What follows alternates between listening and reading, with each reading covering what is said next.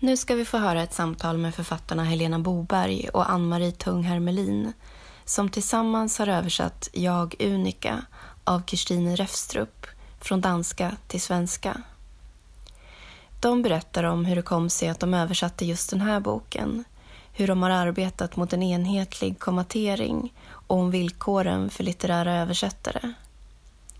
Samtalet leds av kulturskribenten Sara Abdullahi och hölls på Mariefreds litteraturfest den 20 oktober förra året. Arrangör var Översättarcentrum. Precis. Eh, är det någon som har läst den här boken än? Nej? Ja, du. Jag tänkte kort bara beskriva den. Det är en fantastisk bok som handlar om den, dans eh, som den danska författaren Kirstin Refstrup har skrivit. Och den handlar eh, bland annat om skapande kärlek, ensamhet och framförallt en av förra sekelskiftets mest intressanta konstnärsmonster, Unika Zorn. Jag tänkte liksom att vi börjar direkt egentligen. Att, eh, om inte ni vill säga någonting om själva boken. Kör på du. För jag har ju bett er att förbereda er på vars, att läsa varsitt stycke som ni tyckte var en utmaning att översätta. Vem vill börja? Ska vi sätta igång med det? Ja, Gå in på det jag tänker att vi ska. hardcore direkt.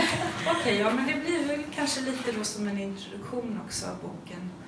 Funderar på om jag i så fall ska välja något annat stycke än det jag valt. Jag kan börja om du vill. Ska jag? Eller? Ja. Och vill ni liksom säga någonting om det stycket liksom, Mm. så får ni gärna. Mm. För vi har så kort om tid så jag tänkte vi ska... Ja, det är sant. Ja, just det. Okej, nu kommer jag läsa. Det är ganska fram emot slutet av boken. Men det handlar ju om det här konstnärsparet, eh, Ynka Syrn och eh, Hans Bellmer. Eh, och de befinner sig i ett hus som de har hyrt i eh, Frankrike, på landsbygden. Och eh, de har dragit sig undan dit från Paris för att skapa. Men eh, de eh, får besök av ett amerikanskt par som är intresserade av att köpa ett av deras verk. Och det ställer till det lite för dem kan man säga. Ehm, ehm, och det här stycket, mm, varför det var svårt att översätta, det kanske jag kan ta efter att jag läste.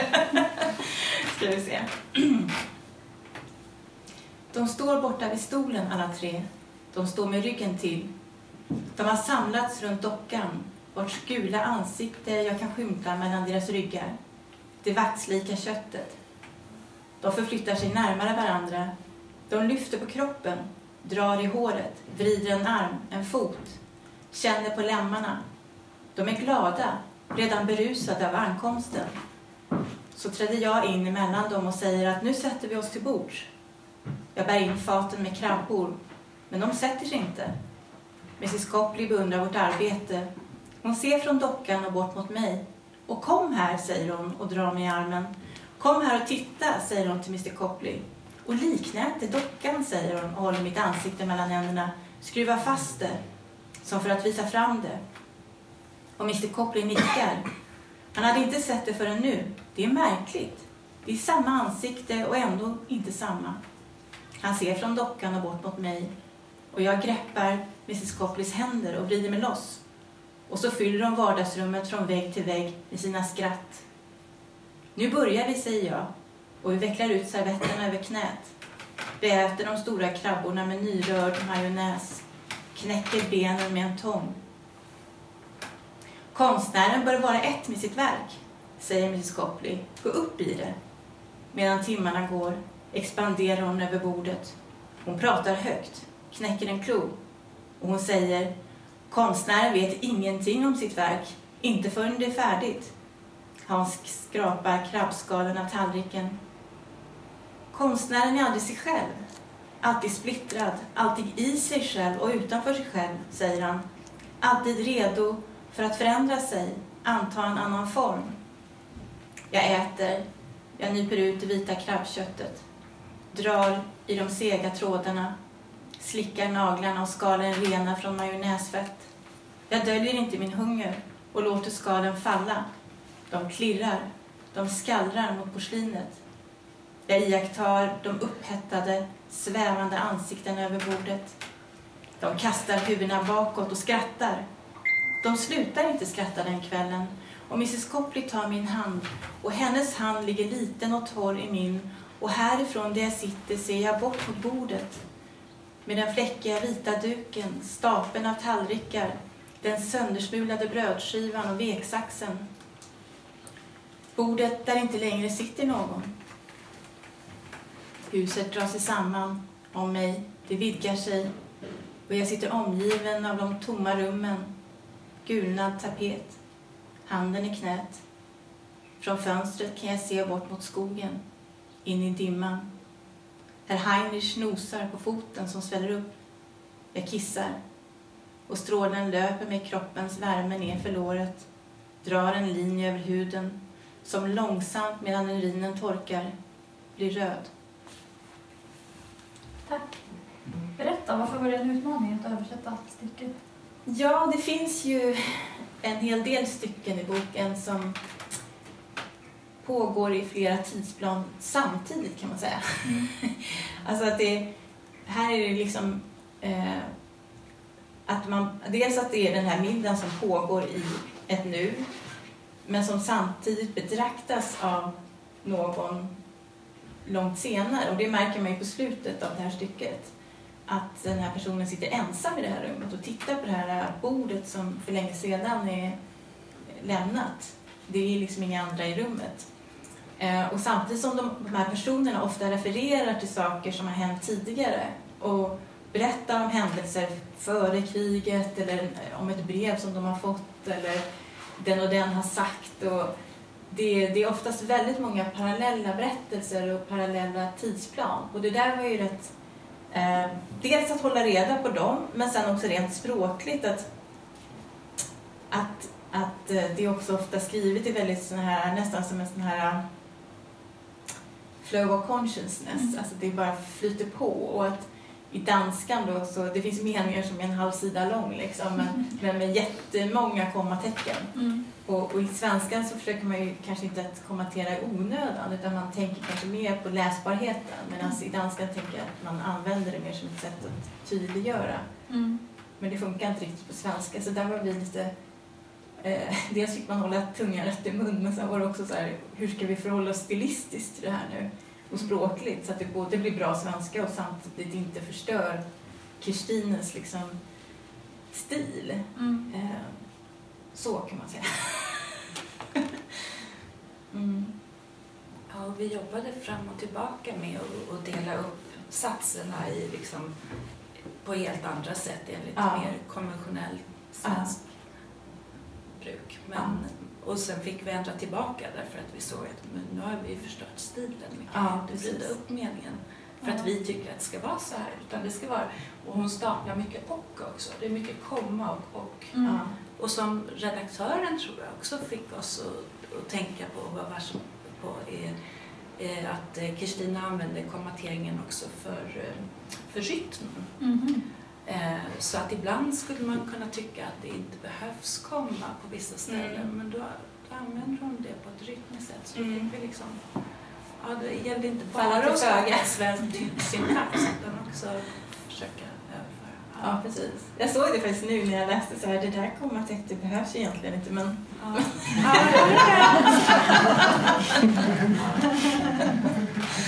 ja, nu är det där. Och vi, vi är ändå rätt nöjda med slutresultatet. Eller jag är Det bör vara, den är ju fantastisk. Helena, ja. du då? Ja, ska jag välja ett stycke? Men då, då väljer jag jag hade tänkt läsa ett stycke från den här middagen också, precis när middagen börjar. Ja, därför att då så börjar den här Mr Copley och återberätta en historia Mm. Som, eh, där, där det förekommer en väggmålning eller en bild målad på väggen som han pratar om. Så att det blir liksom många lager. Det är Kirstine Refstrup har skrivit en bok som är, är um, ur den här Onika Syn som är en historisk person. Det är hon som är berättarrösten. Men Onika eh, låter också Alltså det är inte talsträck och repliker i den här boken utan det är alltid Onika som återger vad folk har sagt. Som sen ibland återger saker, dels som har skett för länge sedan och de kan inbegripa Onika själv. Så det, det blir ganska komplicerat och det var ju jättesvårt på vissa ställen. Det är jättesvårt att veta ibland var replikerna börjar för att det kan vara liksom mitt i en beskrivning och en beskrivning en miljöskildring kan komma i en persons replik som då också kommer från Onika. Som här är det då en annan person än Onika som beskriver en historia i vilken det förekommer en bild som den här personen tolkar. Ja, det, det, det är många lager. Men jag tänker faktiskt ta en annan. Och det är när, när Hans Bellmer, som är en andra konstnär då, som också är en historisk person, när Hans och Omnika träffas första gången på en bar.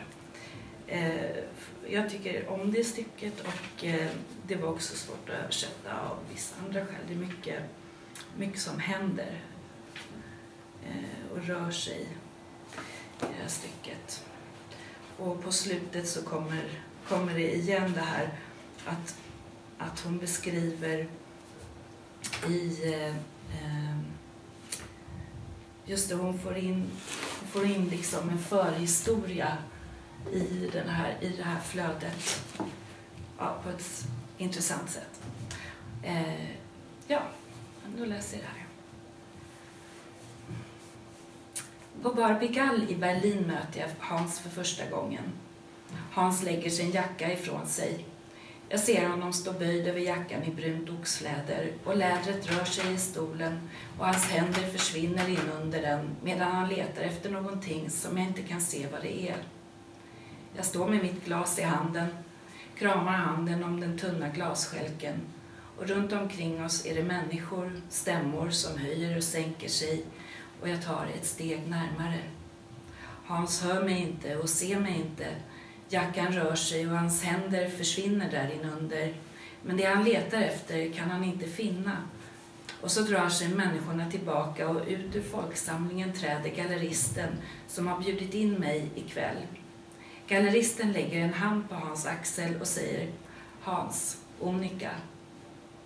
Galleristen står och svajar framför oss med sitt glas och jag ser på jackan som nu bara hänger slätt över stolen och på Hans som inte säger någonting. Och så får galleristen presentera oss och jag, Onika, tar ytterligare ett steg närmare Hans. Och runt om oss är rösterna och röken som långa band. Och jag släpper inte Hans hand, inte precis med detsamma. För jag upplever först en kyla och sedan en värme löpa genom min kropp. Och vi förblir stående så framför varandra. Och Onika, var ska jag börja? säger galleristen. Onika skriver historier till tidningarna här i staden från ett rum på Lankerstrasse. Hon skriver som i feberrus och jag håller inte räkning på alla hennes historier, säger galleristen. Och nu är hon diktare. Betänk den förvandlingen, att en människa kan inrymma sin egen förvandling. Och jag blåser ut rök och sveper mitt glas. Och Hans har en ateljé, säger galleristen, och där började han teckna och modellera en docka i mänsklig storlek. Och har du sett fotografierna av dockan? frågar galleristen. Hans tog isär dockan och satte den samman igen, helt förvrängd, helt förvriden. Och en kropp kan förvandlas så att den inte liknar en människa mer. Hans står och ser ner i golvet och jag ser på Hans som står och ser ner i golvet. Onika kommer från en fin familj. En familj med förbindelser, säger galleristen. If I rule the night, sjunger galleristen. En mörkerfamilj, en slicka Hitlers rövfamilj. Och jag säger, min familj är död. Och jag vill imponera på Hans och blåser ideligen ut rök och låter rökringar ringla upp mot taket och tänder nya cigaretter. Och jag ser att min hand skakar, även om jag inte alls känner det. Och eftersom det är flera dagar sedan jag talade med någon sist tappar jag glaset i golvet och jag trampar i det krossade glaset. Och Hans lägger sig ner på alla fyra och samlar in skärvorna med händerna. Jag får lust att berätta allt för Hans. Allt jag vet om hur ensam jag är och hur lycklig jag är. Om en vissnad julgran som snurrar i mina tankar, silverpynt och polkasträngar. Men det finns så mycket ruttet krigsavfall i Berlin. Sten på sten. Jag är urholkad och tom som, på, som staden. Skuren i stycken. Ljumske, knäskål, bäcken. Nu kan jag bli en annan. Nu kan jag bli vem som helst. Min bror var Coca-Cola-försäljare. Min mor satt i flyktingläger. Min mor skrev brev till mig från Schweiz. Ordförande för kommittén för kvinnornas återuppbyggnad av Tyskland. Ordförande för kommittén för haverier och horlögner. Min bror lärde sig alla slogans utan till. Ice cold sunshine, pure as sunlight, thirst asks nothing more. Det har jag lust att berätta för Hans. Och jag hör glasskärvorna knastra under sulorna. Och kriget vill jag säga till Hans. Kriget är en beläggning över allas våra hjärtan.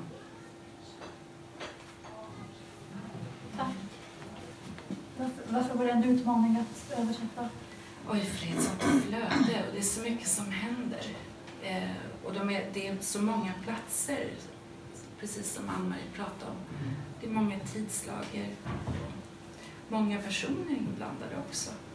Och det är det här, vad gör de egentligen under tiden? Hans står och famlar liksom med sin jacka och Olika står och tittar på och röker och tappar någonting. Och Hans lägger sig ner och plockar glas och under tiden så berättar, får man liksom veta allt möjligt. Och det, ja.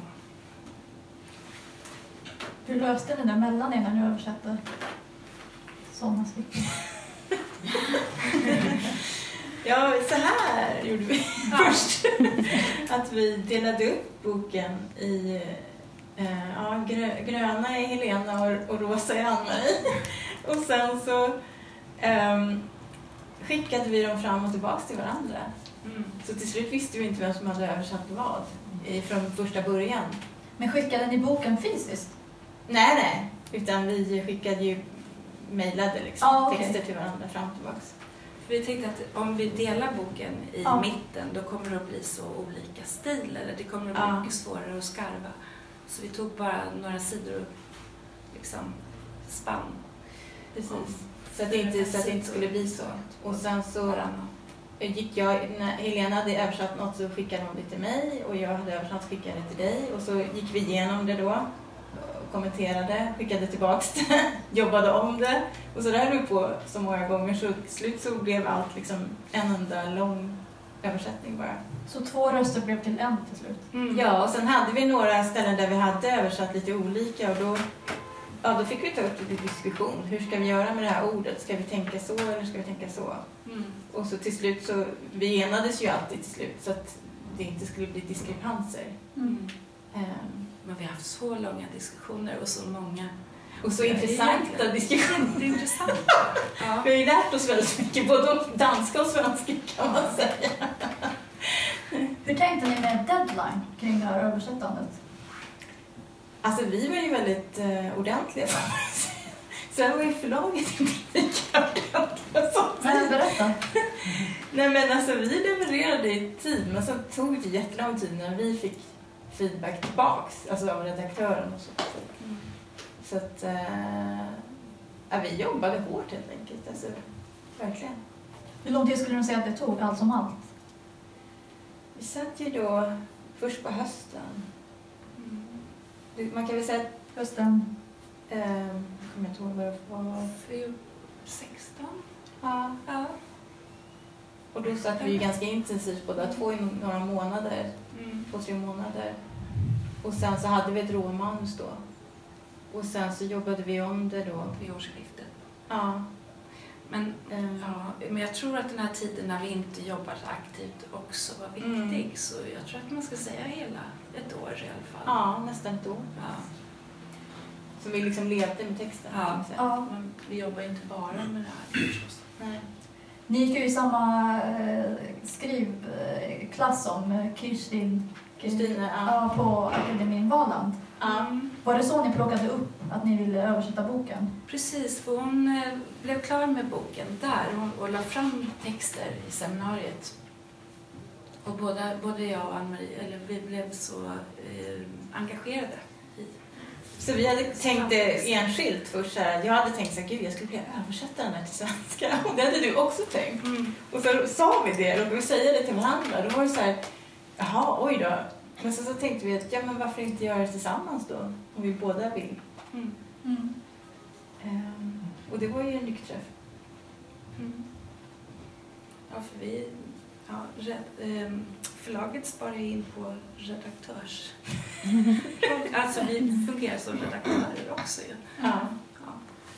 Jag tänker när man skriver eller arbetar med text överhuvudtaget så finns det ju ett litet missförstånd att det handlar mycket om kreativitet. Men det handlar ganska mycket om hårt arbete tänker jag. Hur gjorde ni med rutiner? För jag tänker, när man skriver någonting och inte översätter då börjar man ju från scratch. Och redan där är det ju svårt med rutiner men om man översätter, är det liksom svårare eller är det lättare? Mycket lättare tycker jag. Ja, Mycket lättare tycker jag också. Verkligen. Alltså skriva från ingenting och skapa någonting helt nytt som inte finns än. Det är. Det här är så skönt. Man kan liksom säga så här. Nej, men jag, jag gör klart de här två sidorna och sen tar jag en kaffe. Ja. Så kan man liksom aldrig säga när man ska skriva själv. Det är bara så här. Ah, liksom, nu är klockan tre och jag har skrivit två meningar. mm. Det, det är liksom helt annat.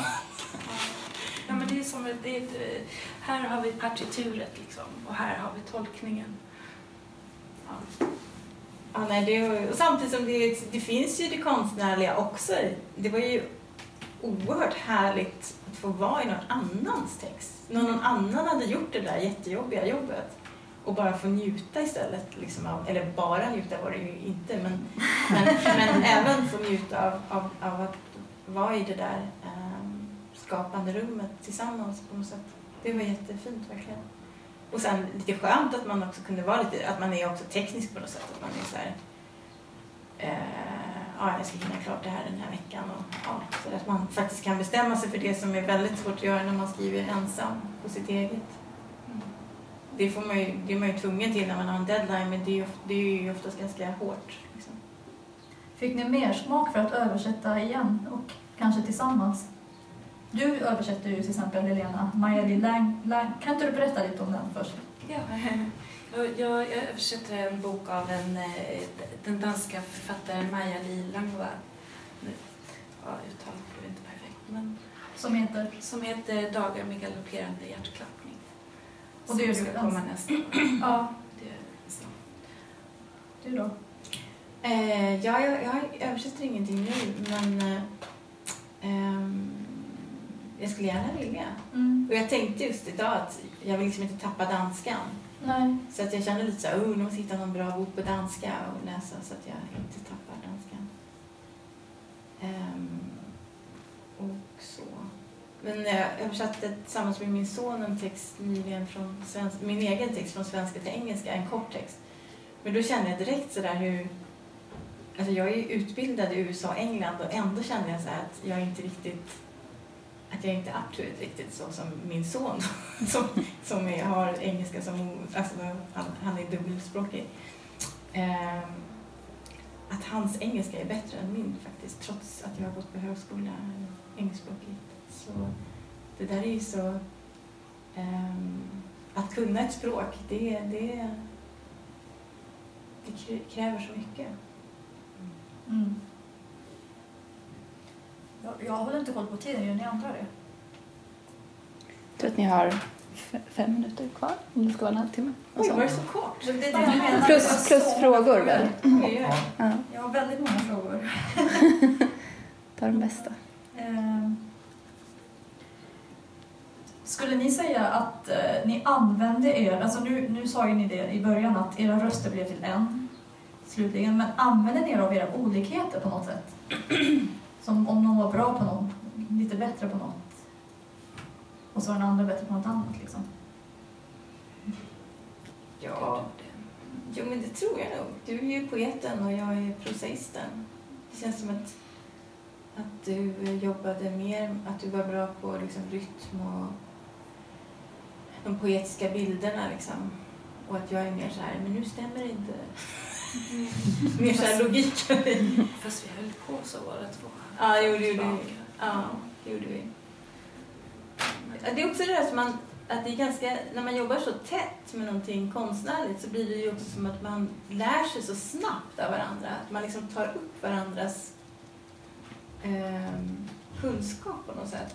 Mm. Så att det är inte bara texten som blir ett, utan det blir lite som att vi, att vår kunskapsbas blir också ett på något Mm. sätt, Sant. Ja. kan man säga. Mm. Ehm, så att jag tror att vi är olika, men att vi ganska snabbt så liksom lärde vi oss Mm. mycket av varandra. Ehm, Det borde vi ta vara på. verkligen. Men Jag tror att Kristina har en ny bok på gång faktiskt. Ja, det ser vi mycket fram emot. Vi bara sitter och väntar på att Kristines bok ska komma. Vi kommer tillbaka om så här, två, tre år. Ja, precis. Processen. Ehm, Men jag skulle vilja ställa en till fråga. Ehm, Det här med villkor, alltså så här, ekonomiska villkor. Eh, Hur funkar det där? Men, för jag vet att det inte alltid är så bra för översättare.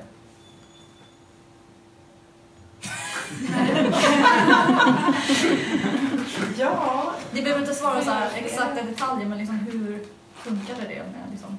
ja, vi fick ju ett halvt var kan man säga. Mm. eh, arvode. Liksom. Och det var ju... Det är ju inte ens en månadslön. Alltså det, det är inte ens en halv. Nej. Det är inte ens en fjärdedels månadslön. Alltså det är på den nivån. Fick ni förhandla? Eh, nej, det fanns inte egentligen utrymme för det riktigt. Nej. Faktiskt. Eh, så att man kan säga att egentligen så var det ju faktiskt, det är ju nästan ideellt arbete om man ska vara krass. Hobby. Mm. Ja, faktiskt. Eh, så, så, så är det. Tyvärr. Jättetråkigt. Men, eh, så att det, det gäller ju att... I och med att det var så givande för oss så var det ju värt det. Mm. Och vi är så glada att den här boken finns på Mm. svenska. Eh, men det är ju definitivt inte för pengarna skulle man göra. Nej. Verkligen inte.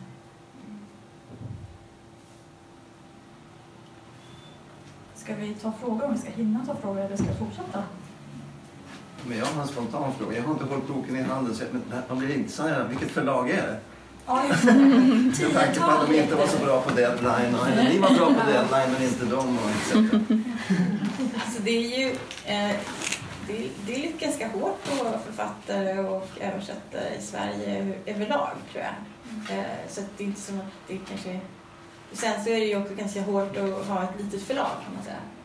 Precis, det är det ju Det är väldigt svårt i förlagsbranschen idag så att det, är inte så Ja. lätt för dem heller. De tjänar inte heller så De har pengar. ju ingen GW Persson som drar in pengar. De har ingen Bonniers i ryggen heller. Som Det krävs inte, ja, precis. ingen ekonomi. Vissa förlag har ju ett annat utrymme på grund av att de antingen har storsäljare eller att de har någon stiftelse eller så. Eh, Kan inte vi prata om kritiken också? Det kanske inte, inte kanske jättelänge, men det har ju med det här att göra också. Så här, hur tänker ni att... eh, Ja, det har ju kommit lite, det har skrivits lite kritik kring boken, men inte jättemycket i Sverige. Den här, nej, Nej. det är sant. Nej. Jag tänker att det är också en del av liksom, mottagandet Ja, Mm. just det. för att det ska hända något. Liksom. Ja, jo. Det, ju, precis, det kan ju göra skillnad. Ja. Det blir mycket kritik. Jag tänker att det är intressant för det, det har ju funnits Så tv-soffor betyder ännu mer. ja, så att det har ju varit ett intresse kring Unika Syrn. Mm. Så. Ja, Det har det ju faktiskt varit. verkligen. Mm. Särskilt i lite så här litterära kretsar. Ja, men det kanske är de här konstnärskretsen, folk som inte har så mycket pengar. Det har det ju faktiskt varit.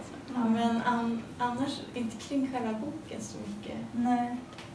Eh, Det kom väl en annan bok om Onikatsuren? Ja, Mm. Helena Eriksson skrev den, va? ah, Ja. Vem syr är det du? visst ja. Och den är, den, är, den är ganska tjock och väldigt mer essayistisk kan man säga. Den förhåller sig så här till henne som en verklig person kan man säga. Mm. Och hennes, det hon skriver och så. Mm. Ehm, den fick ju också rätt mycket uppmärksamhet. Men jag tror, alltså den, jag tror inte att det var någon storsäljare. Nej. Det var det ju inte. Mm. Precis, och olika synsböcker, det har kommit ut några stycken. Mm. Mm. Framförallt en, ja, precis. Och Vertigo, va? Ja, Vertigo. Ja. Ja. Och en av Hans Benner. Ja. Nej, jag tänkte bara om ni ville säga någonting mer om hur ni eh, arbetade med författaren, eftersom ni känner henne, kring översättningen. Hur, hur inblandad hon var i ert översättningsarbete. Vad säger du? Ja, eh, hon kollade igenom ehm, mm, första utkastet och hade synpunkter som var väldigt eh, bra och som, som vi tog med oss när vi fortsatte jobba och skrev igenom allting igen.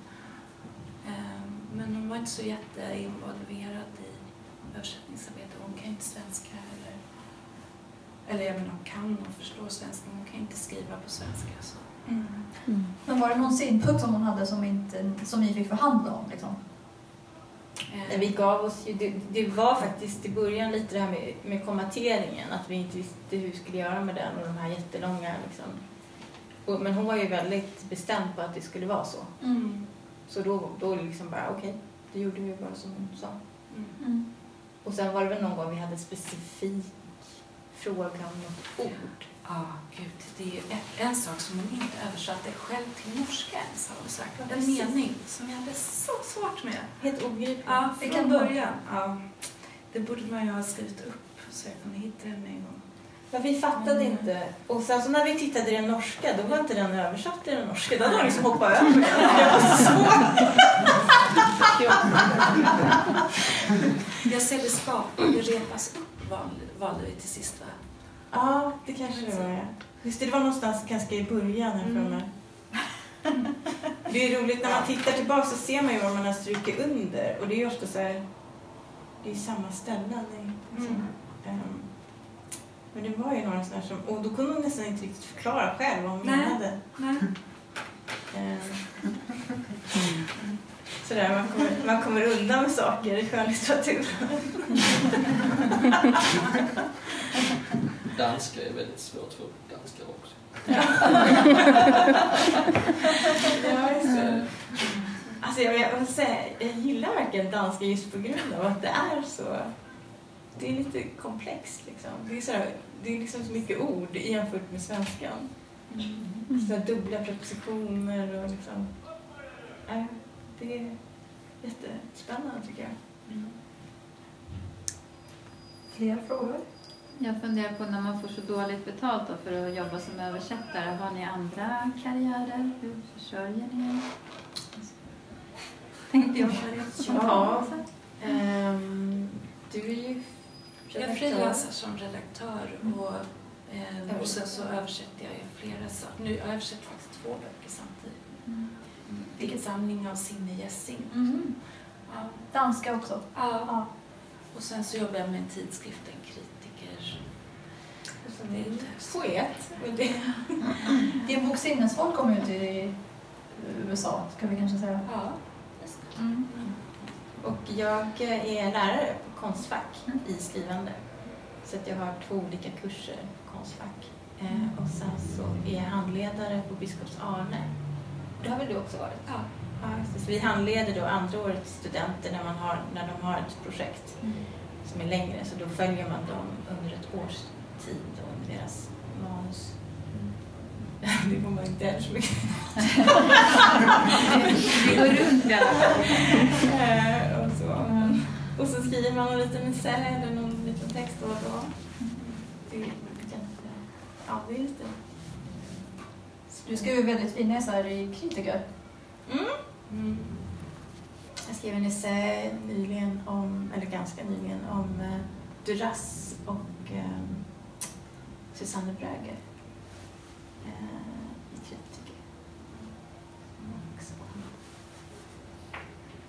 Det var lite roligt faktiskt då, för att, då, att jag plötsligt hade märkt att jag kunde att jag kunde googla på nätet och hitta såna här Youtube-föreläsningar om Brögger eh, på danska. Att jag, jag var yes, jag förstår allt vad de säger. Tack för att. Vad härligt! Vad roligt det. Hur, får jag fråga, hur blev det just det här förlaget? Om ni tänker båda två, jag vill jättegärna översätta henne liksom. Och då måste vi ta kontakt med ett förlag. Och så är det två frågor. Om man nu kontaktar ett förlag och säger jag har den här, jag vill gärna översätta den. Riskerar man att få mindre betalt då än om man får uppdraget från ett förlag?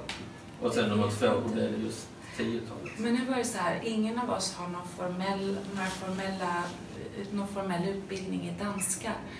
Eh, och det här var det första som vi båda översatte. Så jag tog bara en trygga väg och kontaktade mitt förlag och sa att det här är en fantastisk bok som jag skulle vilja göra tillsammans med Ann-Marie. Mm. Och hade det inte blivit det så hade du väl gått till någon annan som vi känner lite eller så, tror jag. Ja. Men det, vi tänkte att det kanske kunde vara svårt att sälja in till något större förlag när man liksom inte riktigt har meriter. Nej. Men Maja Lillango som du nu översätter kommer ju på Ellerströms. Mm. Mm. Mm, precis. Och det. Shadi Angelina Basici som är översatt kommit på Modernista. Mm. Ja. Och Och. Signe Jessin som kommer, det är också Modernista som är ute. Mm. Jag tänkte på det här med att översätta och att själv bli översatt. Eh, om det finns några insikter att hämta där. Du har varit med om det, Mm. att översatt. Har, har din bok blivit översatt Nej, också? inte Nej. För det är ju intressant det här med att författaren var ändå rätt närvarande i er process. Eh, har, har du som författare varit närvarande när du har blivit översatt och haft åsikter? väldigt faktiskt. Ja. Och där tror jag också, mm, som jag ser så är det skillnad på prosa och poesi. Och jag har samma problem när jag översätter, att när det är poesi så måste jag involvera författaren mer. Därför att Mm. många arbetar så mycket med tolkning och det kan vara fragmentariskt på ett sätt så att man eh, det blir, det blir mycket osäkrare liksom, hur man ska tolka. Då måste man fråga Mm. hur förhåller sig. Mm. Drog du någon nytta av att jobba som poet när du översätter? Ja, det tror jag. Absolut. Mm. Ja, men språkarbetet, just det att kanske mm, att vara liksom uppfinningsrik på ett sätt som inte alltid är den konventionella vägen. Och kanske också att kunna se mönster, alltså jag har ju ingen aning eftersom jag inte är prosaist, men att kunna dechiffrera mönster. Mm. liksom och se rytmer och var saker återkommer och vilka betydelser som är analogiska och sådär. Mm. Liksom det här som inte är det raka, det som inte är den rent syntaktiska kommunikationen, vad ska man säga. Mm. Men det vet jag ju inte om det är för att jag skriver poesi, men jag tror det hjälper mig. Skulle ni vilja läsa, jag tänkte, jag har inte bättre förberett det här, men om ni skulle vilja läsa något stycke som ni tyckte var njutbart att skriva? Eh, det kan vi göra. Har du något Alltså, expektansen? ja, det jag läste det var ett av dem, men jag har ett annat förut. Ja, Får jag bara påminna om att tiden börjar rinna ut, så ta varsitt Ett kort. Ja, vart jag bryter.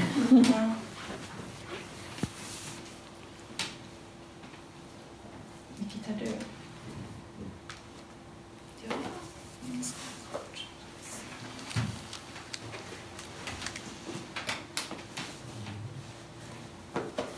Du kan börja. Nej, för jag har inte hittat det.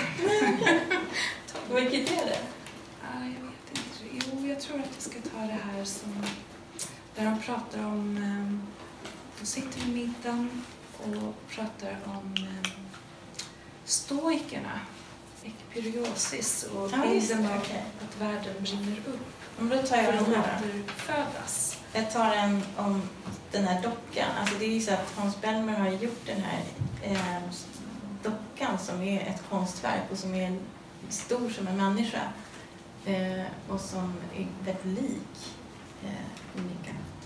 Eh, och ehm, ja, det handlar om, om den i alla fall. Det är väldigt kort. Varje gång dockan är hel tar Hans isär den igen. Den har aldrig en bestämd form. Den är ständigt i förvandling. Hans demonterar, ödelägger. Han tröttnar inte på att arrangera kroppsdelarna och ställa upp fotograferingsapparaten. Han lägger benen intill varandra och binder ihop dem med vit spets och dekorerar dem med en konstgjord ros. Och medan han foto- fotograferar tänker han på söndagseftermiddagarna i sin barndom. Trollkarlens vita hand. Han tänker på små askar av cederträ, nästan svarta tulpaner uppfästa på damhattar, pepparmyntsdrömmar, korsettdrömmar, långa vita strumpordrömmar, mjölktänder, rosenkräm, sädsött luktan av sparris, rostiga nålar, blod och damm, guldglans, hud ammad röd, sockrad hud, mjölkvit hud, konfekthud.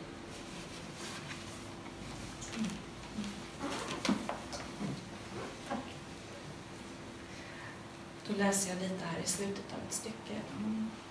De pratar lite grann om eh, Isenheim-altaret. Var är det det ligger någonstans?